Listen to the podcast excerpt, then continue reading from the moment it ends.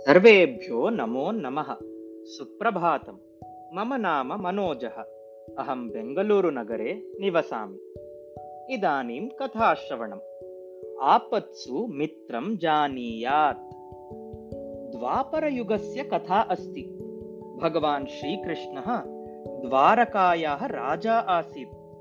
तस्य अनेके सहपाठिनः सुहृदः च आसन्। ते सर्वे मिलित्वा वने गाः चारयन्ति स्म तेषु सुहृत्सु कृष्णः सुदामा च अन्तरङ्गौ सुहृदौ आस्ताम् सुदामा कृष्णस्य अतीव प्रियः आसीत् तस्मिन् कृष्णस्य भूयान् स्नेहः आसीत् प्रौढे वयसि मथुरां विहाय कृष्णः द्वारकापुरीं गतवान् तत्र सः राजा अभवत् एवं तस्य बाल्य सुहृद्भ्यः साक्षात् सम्पर्कः विच्छिन्नः अभवत्। आरम्भात् एव सुदामा निर्धनः आसीत्। सः न केवलं कृष्णस्य सुहृद् आसीत्, किन्तु तस्य भक्तः अपि आसीत्। दारिद्र्यवशात् यद्यपि सुदामा महती कष्टे आसीत्, तथापि तत् प्रतीकाराय किञ्चित् न अकरोत्। सः केवलं कृष्णं भजति स्म। तद्दृष्ट्वा तस्य पत्नी तम् उक्तवती। आर्यपुत्र भवतः सुहृद् इदानीं द्वारकायाः राजा वर्तते। भवान् तं मिलित्वा किमर्थं स्वकष्टविषये न सूचयति? सः भवतः साहाय्यम् अवश्यम् एव आचरिष्यति। आदौ सुदामा तदर्थम् उद्यतः न अभवत्। स्वमतं सम्पोषयन् सः पत्नीं प्रबोधितवान् स्वार्थाय सुहृदे कष्टं न दातव्यं किल?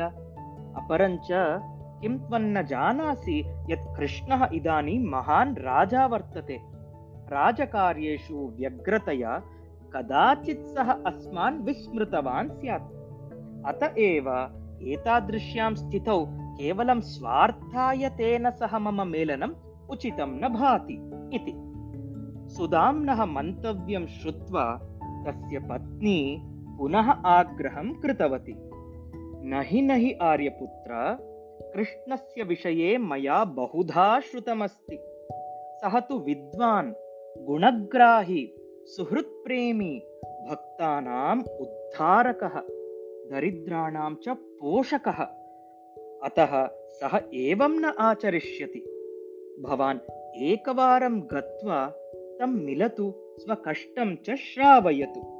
इति पत्न्याः आग्रहेण उत्साहितः सुदामा द्वारकायात्रायै सज्जः अभवत् पद्भ्यां गच्छन् सः द्वारकां प्राप्तवान् राजद्वारे राजकर्मचारिणः तस्य प्रवेशं न अनुमतवन्तः राजा कृष्णः मम सुहृद् अस्ति इति सुदामा स्वपरिचयं प्रस्तुतवान् किन्तु कर्मचारिणः तस्य वाची न विश्वसितवन्तः ते तस्य परिहासं कृतवन्तः।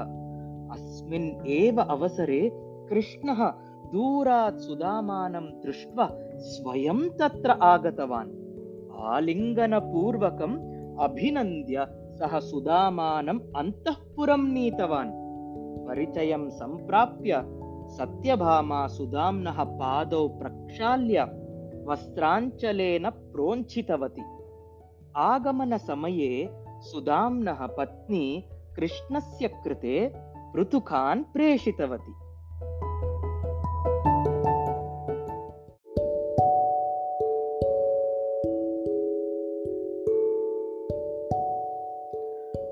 सुदामा सङ्कोचवशात् तान् न निष्कासयति स्म परन्तु अनवधानात् यदा पोट्टलिका अधः पतिता तदा कृष्णः झटिति ताम् उन्मोच्य सहर्षं पृथुकान् खादितवान्।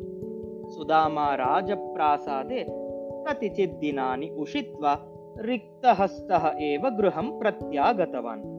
सः इच्छन्नपि सङ्कोचवशात् स्वप्रयोजनविषये मित्रं वक्तुं न पारितवान्।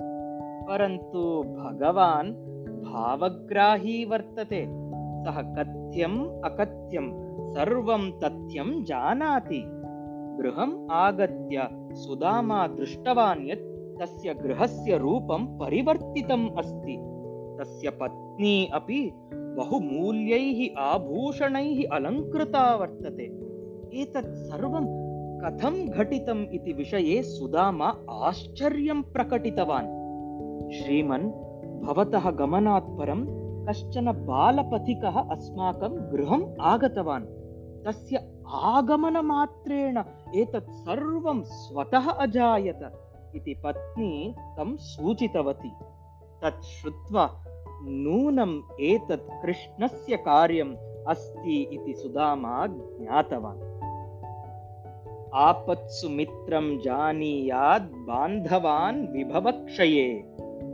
अपि कराविव शरीरस्य नेत्रयोरिव पक्ष्मणि अविचार्य प्रियं कुर्यात् तन्मित्रं मित्रम् उच्यते इति सुभाषितद्वयम्।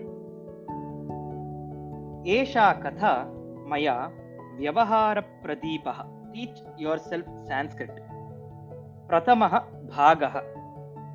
तस्मात् स्वीकृत। श्रवणार्थं सर्वेभ्यो नमो नमः धन्यवादाः पुनर्मिलामः।